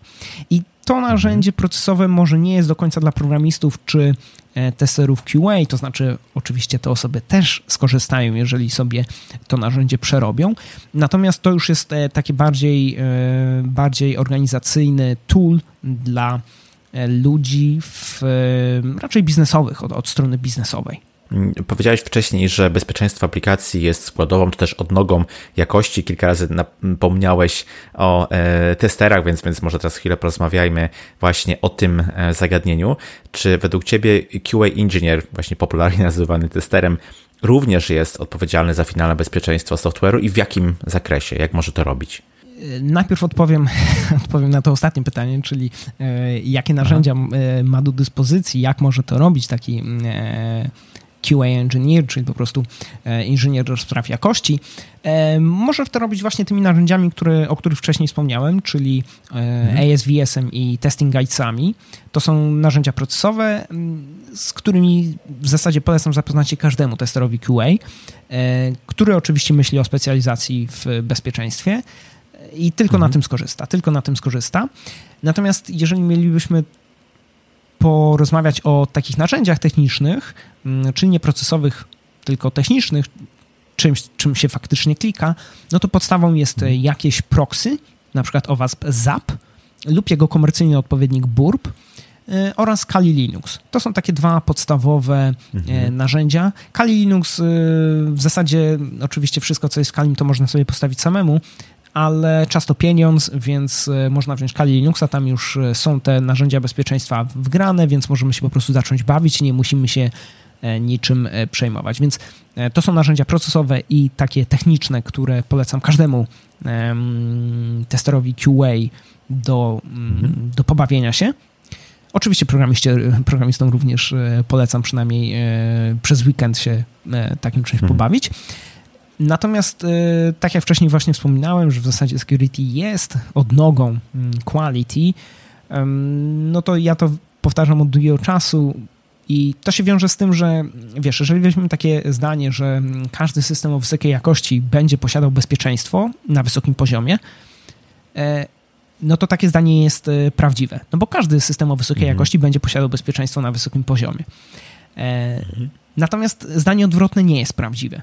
Czyli nie każdy bezpieczny system hmm. będzie systemem, który jest wysokiej jakości. Więc, więc to jasno pokazuje, że bezpieczeństwo zawiera się w jakości, bo mhm. każdy, każdy produkt dobrej jakości będzie automatycznie bezpieczny. I tak jak wcześniej mówiłem, on nie będzie w 100% bezpieczny, ale wystarczy, że będzie bezpieczny na tyle, na ile my życzylibyśmy sobie, żeby on był bezpieczny. On nie musi być bezpieczniejszy niż to, czego byśmy od niego racjonalnie oczekiwali. Czyli dla przykładu, mhm. racjonalnie można oczekiwać, że w momencie, kiedy logujemy się do naszego banku, to tylko my możemy to zrobić i nikt więcej. To jest racjonalne oczekiwanie względem e, tego systemu. Mhm. Więc też nie chodzi mi o to, żeby robić nierealne oczekiwania, które, które też można sobie zrobić, tylko potem możemy być rozczarowani, e, bo często koszty po prostu nas, e, nas zjedzą. Natomiast o takie trzeźwe, realne spojrzenie na to, co dany system, co dana aplikacja powinna zapewniać. I w takim wypadku, jeżeli mamy aplikację czy system wysokiej jakości, to on ma również odpowiedni poziom bezpieczeństwa, no i w moim odczuciu właśnie testerzy QA w niedalekiej przyszłości odegrają bardzo dużą rolę w bezpieczeństwie aplikacji. E, to już widać za granicą, to już też widać w różnego rodzaju publikacjach e, szerokich właśnie w bezpieczeństwie odnośnie tego, w jakim kierunku to wszystko idzie. U nas jeszcze tego nie widać, natomiast e, powoli, e, powoli zaczyna być to zauważalne, albo inaczej. Powoli zaczyna być zauważalne, że takie coś zaczyna się dziać. O, więc no, to, hmm. to można powiedzieć, że to już e, proces się zaczął, teraz, teraz tylko idziemy, i, mhm. idziemy w tym kierunku i zobaczymy, kiedy dojdziemy do, do tego punktu. Określiliśmy już, że rola programistów i testerów jest tutaj istotna, jeśli chodzi o e, zapewnienie odpowiedniego poziomu bezpieczeństwa e, aplikacji, no ale to najczęściej może nie wystarczyć. I tutaj właśnie wkracza rola e, bezpiecznika, osoby od bezpieczeństwa. No i to też najczęściej jest taka rola, która, którą się opisuje działania w różnym tak naprawdę zakresie, czy w różnych, e, w różnych obszarach. Chciałbym Cię zapytać e, właśnie, czym zajmują się osoby od e, security, jakie specjalizacje powiedzmy gdzieś tam wewnętrznie występują również? To jest dobre pytanie, bo bezpieczeństwo końcem końców jest bardzo szerokie. No, może też nie chcę przesadzać, więc pewnie zdarzają się szersze domeny wiedzy. Natomiast bezpieczeństwo jest dość szerokie i jak typowo mówimy o bezpiecznikach, czy w ogóle o bezpieczeństwie, to o ile wcześniej sobie nie zdefiniujemy, w jakim kontekście mówimy, no to możemy mówić o mhm. dwóch zupełnie różnych e, sprawach, pomimo tego, że po prostu mówimy o bezpieczeństwie. E, no bo wysokopoziomowo e, bezpieczeństwo w zasadzie można logicznie podzielić na bezpieczeństwo procesowe i operacyjne. Natomiast mhm. jeżeli poszlibyśmy dalej, to to operacyjne można podzielić na bezpieczeństwo organizacji i bezpieczeństwo systemów IT. I teraz nie ma znaczenia, czy my te systemy IT wytwarzamy, czy po prostu e, korzystamy z jakichś dostarczonych do nas. No mamy jakieś systemy IT w e, typowych organizacjach i one powinny być mm, bezpieczne. Więc te granice tutaj są dość mocno umowne. Pamiętajmy, że to jest taki lodział, e, podział logiczny. Natomiast, mhm. natomiast tak to wygląda. I teraz moja specjalizacja leży głównie w tym ostatnim tym ostatnim obszarze, czyli bezpieczeństwie systemów IT, na które składają się aplikacje. I w tym kontekście główne skrzypce grają role takie jak pentesterzy czy inżynierzy bezpieczeństwa. Ale jeżeli mhm. cofniemy się o krok wcześniej i porozmawiamy o bezpieczeństwie organizacji, czyli mamy jakąś firmę i chcemy zapewniać bezpieczeństwo w ramach tej firmy, no to często bezpieczeństwo aplikacji będzie tylko jakąś jedną domeną bezpieczeństwa ogólnej organizacji, no bo organizacja robi różne rzeczy i wszystkie te rzeczy, które dzieją się na komputerach, muszą być mm, zabezpieczone. Więc tutaj już zaczynamy widzieć to, o czym e, wspomnieliśmy na samym początku, czyli Security Operations Center, analitycy, SOC, e, architekci, ale bardziej architekci od projektowania i budowy, czy to SOCów, czy właśnie e, systemów IT. Więc to są te role, które w tej części bezpieczeństwa najczęściej można spotkać.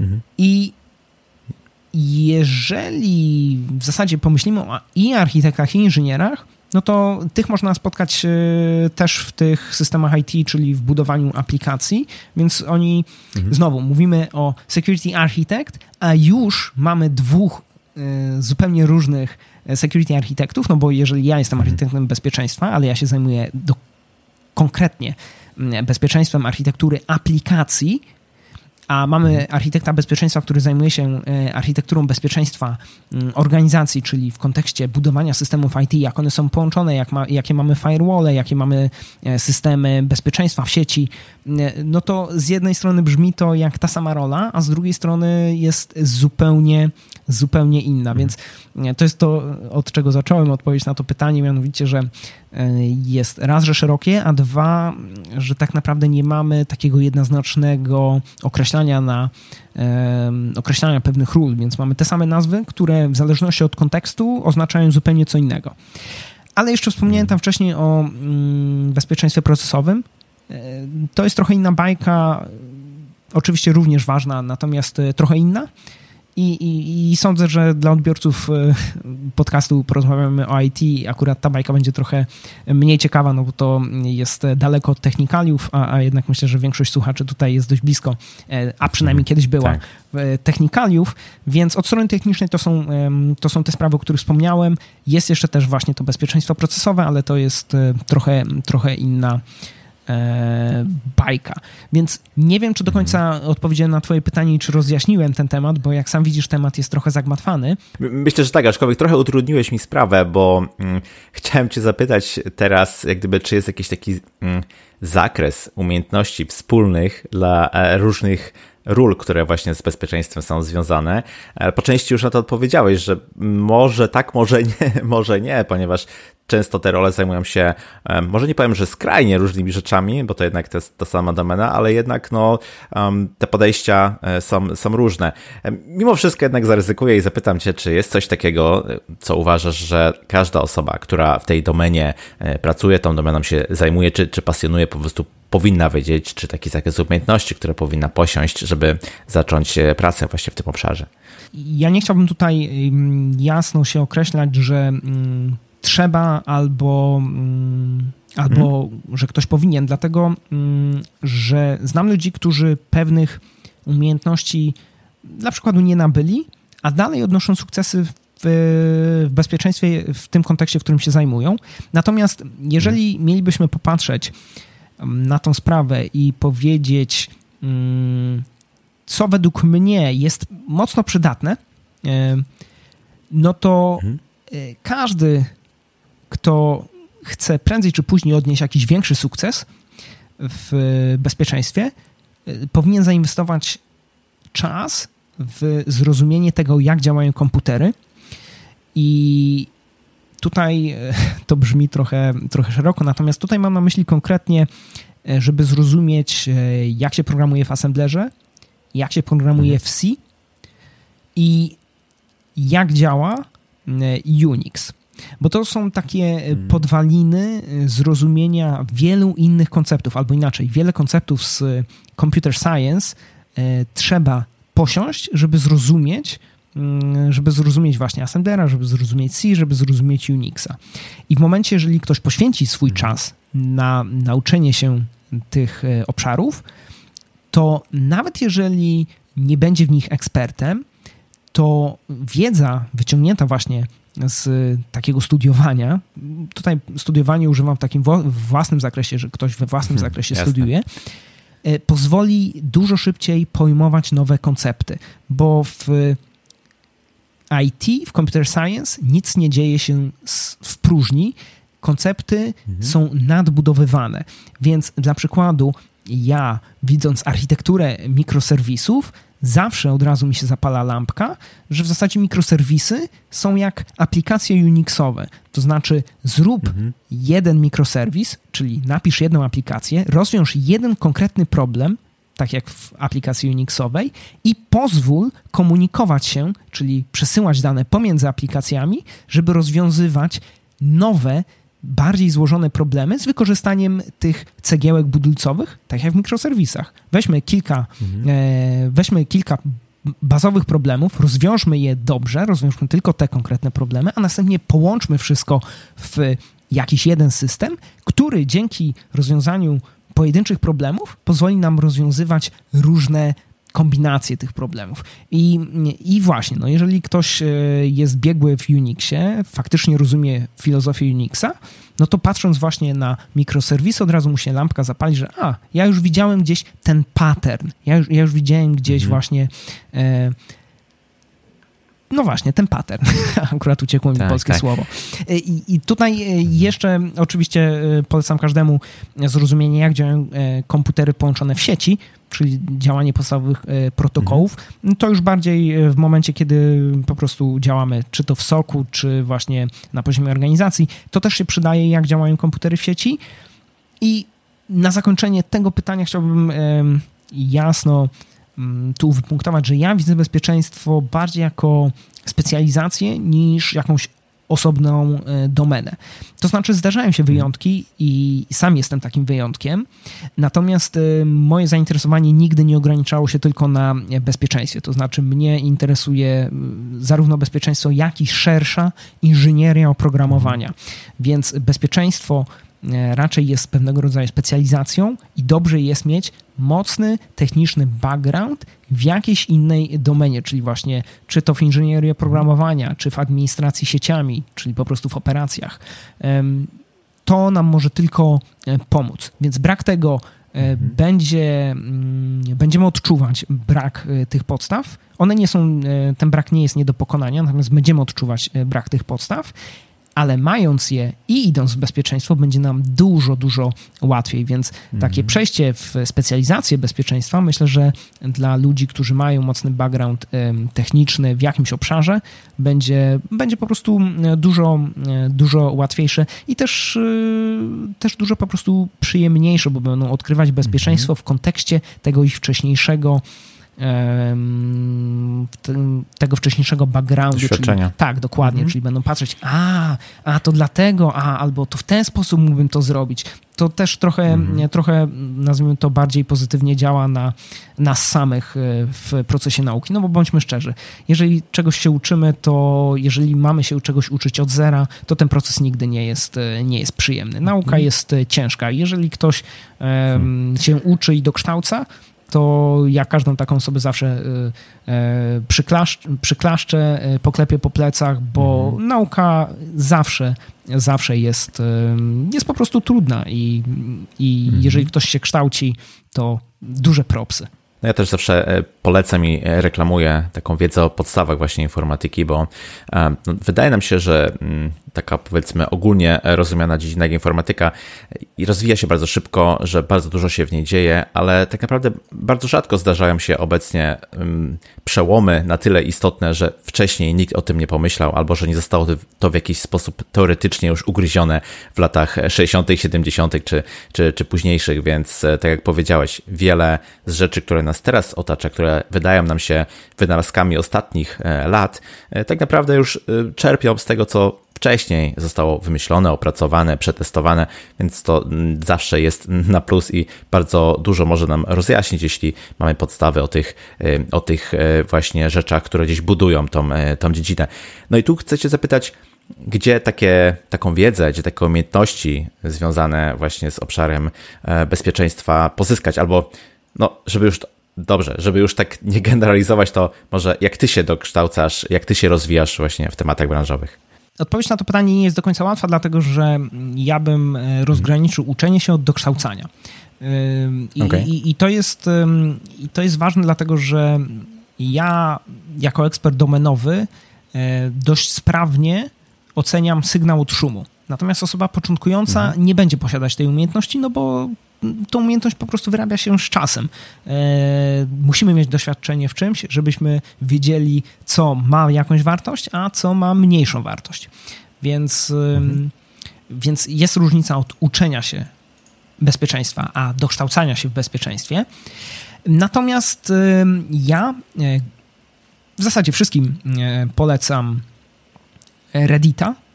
Ja sam Mhm. Może, może dużo siedzę na Reddicie, to nie jest odpowiednie słowo, natomiast gdzieś tam hmm. przeglądam, co się, dzieje, co się dzieje pod kątem bezpieczeństwa właśnie na Reddicie. Są slaki owaspowe, więc jeżeli ktoś korzysta ze Slacka, to może dołączyć i popatrzeć na dyskusję, też może oczywiście zadać pytania, ale oczywiście jedno i drugie medium mhm. jest po angielsku. No jest też Twitter, który nie za bardzo jest polecany w, może nie tyle polecany, co popularny w Polsce, ale mhm. Twitter jest świetnym narzędziem, ponieważ możemy sobie sami zdefiniować, kogo obserwujemy, czyli możemy e, poobserwować, taką dobrą strategią jest obserwacja ludzi, którzy działają w danym obszarze, który nas interesuje i po prostu patrzenie, co oni, e, co oni mówią, co oni polecają. No bo ci ludzie, jeżeli mają już jakieś doświadczenie, to najczęściej będą polecać ciekawe rzeczy. E, nawet jeżeli my na przykład nie wiemy, czemu one są ciekawe, to raczej jakaś wartość ich jest, bo jak ja coś na przykład podaję na Twitterze, to ja mam konkretny powód ku temu i e, ja widzę jakąś wartość. Ona może być dla kogoś innego nie do końca zrozumiała, e, ale ona jakąś wartość ma. Więc, e, więc polecam, polecam Twittera, ale oczywiście Twitter też bardziej na zagranicę, czyli czyli tak mhm. lokalnie to, to, to niezbyt. No, w Polsce mamy niebezpiecznika, mamy zaufaną trzecią stronę, mamy Sekuraka, E, problem z tymi wszystkimi mm, portalami w zasadzie jest taki, że w dużej mierze to jest e, podawanie informacji dalej. E, więc jeżeli ktoś siedzi na Reddicie czy, czy na innych mediach, to po prostu te mhm. informacje wyłapie wcześniej, ale, ale często zdarzają się oryginalne artykuły, które również polecam przeczytać. Na przykład zaufana trzecia strona często robi, mm, robi opisy ciekawych przypadków.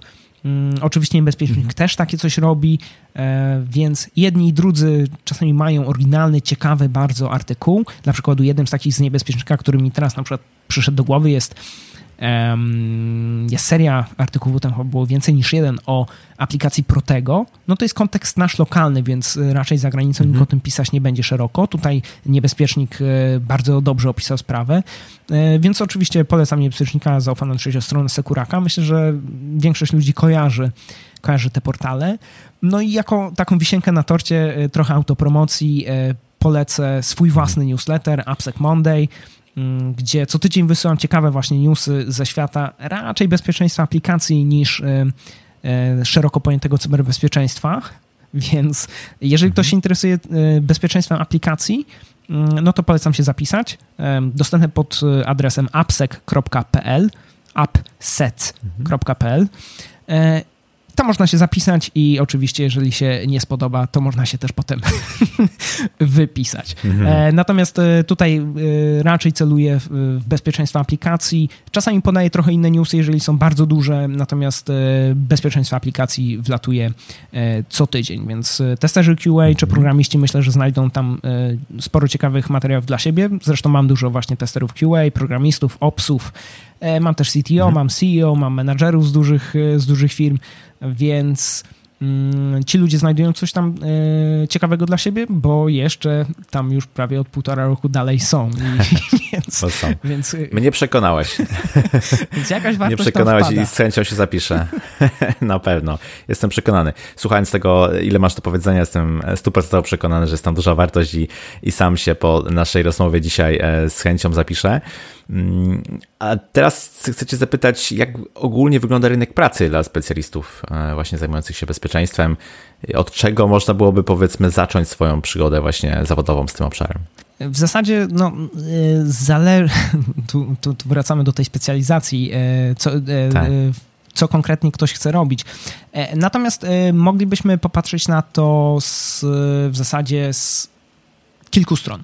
Jeżeli ktoś chce wpadać do mhm. Mm, do soka, y, co moim zdaniem byłoby w zasadzie najłatwiejsze, bo y, no właśnie to, o czym mówiłem o KSC, które narzuca pewne wymogi powstawania soków, e, ale też powstawanie wielu różnych hubów technologicznych, dużych organizacji, które sobie robią mhm. z Polski dostawcy usług IT, w tym security, e, więc tego typu ról i pracy jest bardzo dużo, właśnie jako analitycy, operatorzy mhm. E, security Operation Center. Ta praca może nie jest do końca super i dla każdego, bo e, ona często wiąże się z systemem zmianowym, natomiast mhm. jeżeli ktoś jest zdeterminowany, żeby po prostu wskoczyć w IT i konkretnie w security, to myślę, że to jest najłatwiejsza droga, bo po prostu jest największe sanie na te role. Oczywiście, mhm. jeżeli mm, popatrzymy ogólnie na listingi z ofertami pracy, to znajdziemy też rolę pentesterów, czy często po prostu testowania web aplikacji, czyli bezpiecznik od testowania web aplikacji. Tych ról też jest dość sporo. I od jakiegoś czasu zaczynają się pojawiać role typowo właśnie e, Application Security Engineering, gdzie, mm, gdzie chcemy mieć ludzi, którzy zapewniają bezpieczeństwo właśnie w procesie wytwórczym mm, na różnych poziomach. To może być inżynier, to może być architekt, tak jak konkretnie ja się zajmuję. Natomiast od, od jakiegoś czasu również te role się pojawiają, no ale oczywiście one trochę dyskryminują względem umiejętności, typu nikt zielony nie wskoczy na architekta, ale już na na przykład Junior Application Security Engineera może, może przynajmniej spróbować wystartować. Czy, czy się dostanie, czy, mm. czy nie, to zawsze jest kwestia pewnego rodzaju szczęścia, więc tutaj też e, do wszystkich e, słuchaczy, jeżeli gdzieś wysłaliście, nie poszło, to się nie zrażajcie, w tym wszystkim jest więcej szczęścia niż rozumu, więc po prostu trzeba hmm. grać i prędzej czy później, jeżeli e, będziecie działać, jeżeli będziecie napierać, to dostaniecie się tam, mhm. gdzie chcieliście i możecie traktować taki, e, takie zdarzenie jako pewnego rodzaju trampolinę, czyli jeżeli nie jest to docelowe miejsce, gdzie chcecie być, to dla przykładu można zacząć od mhm. Security Operations Center, a potem przejść do pentesterki. Nie ma w tym żadnego problemu. Ważne tylko, żeby gdzieś sobie narysować pewnego rodzaju e, wizję tego, co chciałoby się mhm. robić a potem e, wyznaczyć jakieś punkty kontrolne i zacząć iść w, w tym kierunku. Zgadza się. Nie zadać nic y, ująć. Y, a czy w takim podbijaniu rynku pracy mogą, może nam pomóc posiadanie jakiegoś certyfikatu? Czy w tym obszarze certyfikaty są, mają znaczenie, są respektowane przez pracodawców? E, wiesz co, e, jeżeli mówimy o typowym bezpieczeństwie jako ścieżce kariery, to oczywiście są odpowiednie certyfikaty i są takie, które rynek ceni, na przykład OSCP, CISP czy CISA. E, I są takie, które mhm. rynek otwarcie wyśmiewa, na przykład niechlubny cech. Okay. E, I tutaj oczywiście nie jest tak, że ja mocno jakoś odradzam zrobienie cecha, bo, bo, bo tak nie jest. Po prostu można się spotkać z z szyderczymi komentarzami na temat cecha na rynku i tego trzeba być po prostu świadomym. Mhm. Z mojego doświadczenia certyfikaty odgrywają dużo większą rolę w Polsce niż y, na Zachodzie i mhm. w zasadzie i tu i tam certyfikaty potrzebne są głównie do pracy w publiku. E, no, w Polsce dla przykładu w przetargach. Tylko, że mhm. o ile na Zachodzie papierek w zasadzie mm, sam sobie nie ma jakiejś większej wartości, czyli po prostu jeżeli go potrzebujemy, no to fajnie, jeżeli byś go miał, ale, ale w zasadzie on jest nam potrzebny tylko do tego, to jednak u nas ten papierek często ma wartość tak jakby no niejako sam w sobie, czyli E, brak posiadania jakiegoś papierka może grać na twoją niekorzyść, albo posiadanie, na twoją, posiadanie papierka może grać na twoją mocną korzyść, bo jest założenie, że no jeżeli masz jakiś certyfikat, no to już się znasz. Takim dobrym przykładem u nas jest e, certyfikat OSCP, który w zasadzie w UK traktowany jest bardziej jako entry level, e, czyli po prostu coś, co dobrze mieć wchodząc w branżę, a u nas OSCP jest traktowane jako y, doświadczenie co najmniej na poziomie mid-level, co oczywiście jest, y, okay. jest bzdurą. Y, I nie chodzi mi o, tutaj o hejtowanie OSCP, bo jest to jeden z ciekawszych certyfikatów mm, i same certyfikaty również mają swoje miejsce. Chodzi raczej o to, żeby nie przeceniać papierków, bo na koniec dnia liczy się wiedza i umiejętności. A wiedzę i umiejętności mhm. można zdobyć i udowodnić na wiele sposobów. Nie trzeba robić tego przez certyfikaty. Więc mhm. jeżeli dla przykładu nie mamy w jaki sposób wyrobić certyfikatu, bo to jest dość kosztowna zabawa, to możemy mhm. zacząć od uczestnictwa w programach Bug Bounty albo CTF-ach i po prostu spisywać nasze przygody na blogu. I takie coś mhm. będzie miało równie dużą wartość, jak nie większą, niż posiadanie certyfikatu. Więc nie traktujmy certyfikatów po prostu jako wymówki. Jeżeli ktoś nie może sobie pozwolić na zrobienie mhm. certyfikatu, bo nie ma na to środków, e, to nie ma problemu, są inne drogi. E, głównym celem powinno być e, po pierwsze zdobycie wiedzy, a po drugie jakiś sposób dokumentacja tej wiedzy, żeby móc się pochwalić przyszłemu pracodawcy. I w zasadzie mhm. tyle, tyle w tym temacie. Myślę, że podobnie to wygląda jak w domenie programistycznej. Też jak gdyby certyfikaty mogą pomóc, nie są wymagane, natomiast właśnie dokumentacja chociażby poprzez bloga swoich dokonań jest zawsze mile widziana. No właśnie, ty też gdyby prowadzisz bloga poprzez tą informację, poprzez tą informację o newsletterze dałeś trochę namiastkę tego, że lubisz się dzielić wiedzą, ale też jak gdyby obserwując twoje działania na wystąpienia, na konferencjach, podcast, który prowadzisz, webinary, szkolenia, mnóstwo tego, tego jest. Widzę, że tą wiedzą uwielbiasz się dzielić. Powiedz proszę parę słów właśnie o tym aspekcie swojej działalności, po co to robisz, jak to, jak to wygląda? Wiesz co, to jest, to jest trochę, hmm. tak jak wspomniałem w zasadzie mm, na początku, w zasadzie już tej dość długiej rozmowy, te, technologia, ale bardzo miłe mi się, mi się bardzo dobrze z tą rozmawia. Bardzo, tak. E, technologia, a w zasadzie właśnie w technologii bezpieczeństwo czy inżyniera oprogramowania, to w zasadzie jest e, moja pasja od wczesnych lat.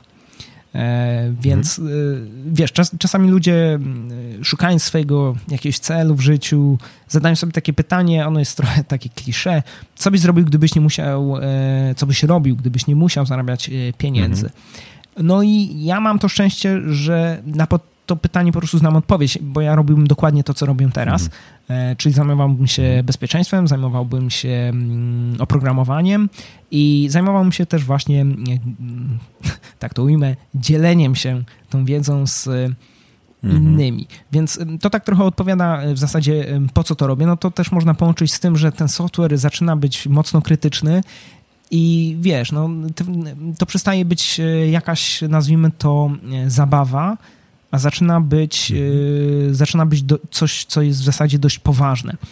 I, mm, I o ile x lat temu mogliśmy sobie pozwolić na mm, gdzieś tam ignorowanie pewnych tematów, no to w chwili obecnej raczej już nie możemy. Mhm. A skoro nie możemy, no to e, trzeba budować właśnie tą świadomość. Tak jak wcześniej mówiłem, biznes często na przykład nie ma świadomości. Mm, gdzieś to się buduje, ale jeszcze nie ma na odpowiednim e, mhm. poziomie świadomości. E, I, i, I, ja chciałbym właśnie tą świadomość w jakimś, w jakimś zakresie, na tyle na ile mogę, powiększyć. Oczywiście w ramach mhm. tych mam, mam różnego rodzaju inne projekty.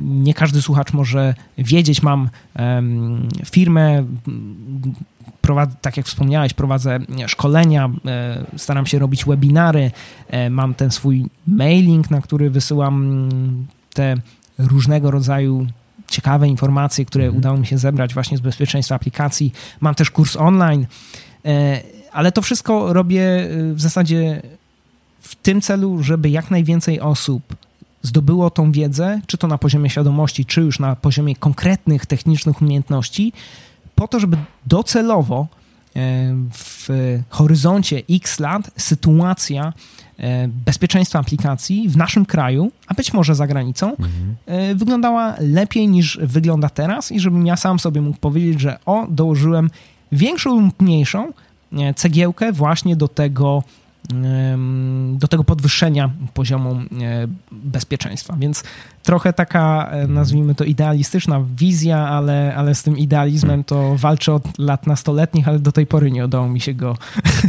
stłamsić. Jasne. Wiesz, ja bardzo lubię rozmawiać z ludźmi, którzy mają jakąś taką misję e, życiową i w tym, co mówisz, zdecydowanie słychać, że coś takiego jest. Myślę, że idziemy na rekordową długość podcastu, ale to w żaden sposób nie jest e, zarzut, wręcz, wręcz przeciwnie. Myślę, że to, co powiedziałeś, e, może przyczynić się do tego, że więcej osób będzie miało jakieś e, lepsze rozumienie tego aspektu bezpieczeństwa e, aplikacji. E, no i dlatego bardzo Ci dziękuję za tą rozmowę. Dziękuję, że uczuliłeś słuchaczy na te różne aspekty bezpośrednio albo pośrednio związane z bezpieczeństwem aplikacji właśnie. No i na koniec powiedz proszę jeszcze, gdzie Cię można znaleźć w internecie, w jaki sposób się z Tobą skontaktować, gdyby ktoś chciał właśnie poszerzyć jeszcze swoją wiedzę, być może zadać Ci jakieś pytanie. E, dobra. E, przede wszystkim e, ja Tobie dziękuję za, za, za możliwość wystąpienia w Porozmawiajmy IT. Można powiedzieć, że achievement unlocked. Bardzo, bardzo, bardzo mi z tego powodu miło. I mm, gdzie można mnie znaleźć w internecie? myślę, że każdy sobie poradzi, żeby po prostu wpisać Andrzej Dyjak w Google i od razu będzie miał wyniki. Oczywiście jestem na LinkedInie mhm. i, i, zachęcam gorąco wszystkich do po prostu zapraszania mnie do grona znajomych. Ja tutaj nie, nie nazwijmy to, nie zachowuję się jakoś elitarnie i, i im, mhm. im większe grono znajomych, tym lepiej. Tylko na tym wszystkim możemy skorzystać. Więc y, na LinkedInie spokojnie każdy, kto chce, może mnie zapraszać do znajomych. E, będzie mi bardzo miło. Napisz cześć, napisz, gdzie, gdzie, gdzie usłyszałeś mhm. o mnie i, i, i może, się, mhm. E, może się razem e, pośmiejemy. Natomiast mam swoją stronę internetową dejak.me, dejak mi E, tam są wszystkie punkty kontaktowe. Jeżeli ktoś chciałby mhm. zadać mi jakieś pytanie, jeżeli chciałby, e, nie wiem, żebym uściślił jakąś odpowiedź, która padła w, w tym podcaście, to oczywiście może napisać do mnie na maila. E, więc strona to jest dyjak.me. Natomiast e-mail jest w zasadzie w tej domenie, więc andrzejmałpa.dyjak.me to jest mój oficjalny e-mail, więc hmm. można do mnie pisać. Nie zawsze odpowiadam e, super szybko, natomiast odpowiadam na wszystkie maile. Więc jeżeli e, ktoś wyśle do mnie maila i nie ma odpowiedzi od, przez parę dni, to nie trzeba panikować. Ja na pewno maila widziałem i na pewno na niego odpowiem. Natomiast czasami mam po prostu taki natok pracy, że nie jestem w stanie E, no, może technicznie mhm. byłbym w stanie, ale czasami jestem po prostu już tak zmęczony, że, że, że mi się po prostu najnormalniej w świecie wieczorem nie chce. Więc, więc każdy, każdy jest mhm. człowiekiem, ja, ja, ja również. Oczywiście. Jest jeszcze jeden adres internetowy, który można sobie wbić, mianowicie andrzejdyjak.com i to jest taki zestaw różnych linków do, do różnych miejsc, w których jestem w internecie, więc można po prostu skorzystać z tego, czyli andrzejdyjak.com i tam będzie dla przykładu link do e, dokumentu, który opublikowałem w, no jeszcze w tym roku, w kwietniu, mianowicie DevSecOps, e, podstawa automatyzacji. Też polecam każdemu programiście, każdemu testerowi QA, e, każdemu opsowi, gdzie opisuję pięć sposobów, jak zabezpieczyć jak zabezpieczyć oprogramowanie w procesie wytwórczym w modelu właśnie DevSecOpsowym, mhm. czyli o pewnych problemach i narzędziach, które rozwiązują mm, te problemy. Tam będzie link. Oczywiście można też sobie pogooglać albo można do, do mnie napisać maila i też, i też e, odpowiem z linkiem albo wiadomość na LinkedInie. Więc mhm. ja zapraszam wszystkich do e, kontaktu i wszystkim odpowiem.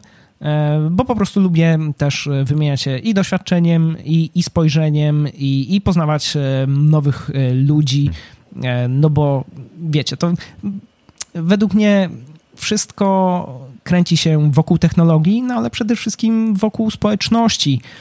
Ja tutaj, o ile dobrze pamiętam, to mm, ty, Krzysztofie, jesteś związany z Ruby on Rails, prawda? Tak, można powiedzieć, aczkolwiek już od pewnego czasu nie praktykuję, natomiast faktycznie najszersze, najdłuższe doświadczenie moje zawodowe jest związane właśnie z tą technologią. E, no właśnie I, i, i ja też właśnie e, pracując jako programista, mając taki e, krótki, półtora roczny mm, epizod czysto, czysto programistyczny, no to ja byłem właśnie w nim najwięcej związany z Ruby on Rails i mi w Ruby on Rails najbardziej się po, e, podobało właśnie połączenie nie tylko technologii, ale właśnie tej społeczności, ta społeczność, która, e, tak, tak. która wyrosła wokół e, tej technologii i która, no można powiedzieć, jest dość niespotykana, bo są różne technologie, które mhm. same w sobie są fajne, a końcem końców społeczność e, nie tyle jest niefajna, po prostu jest często jej nie ma. O, tak, mhm. y, tak, tak to tak. Tak. Więc y, ja, ja tutaj jestem zwolennikiem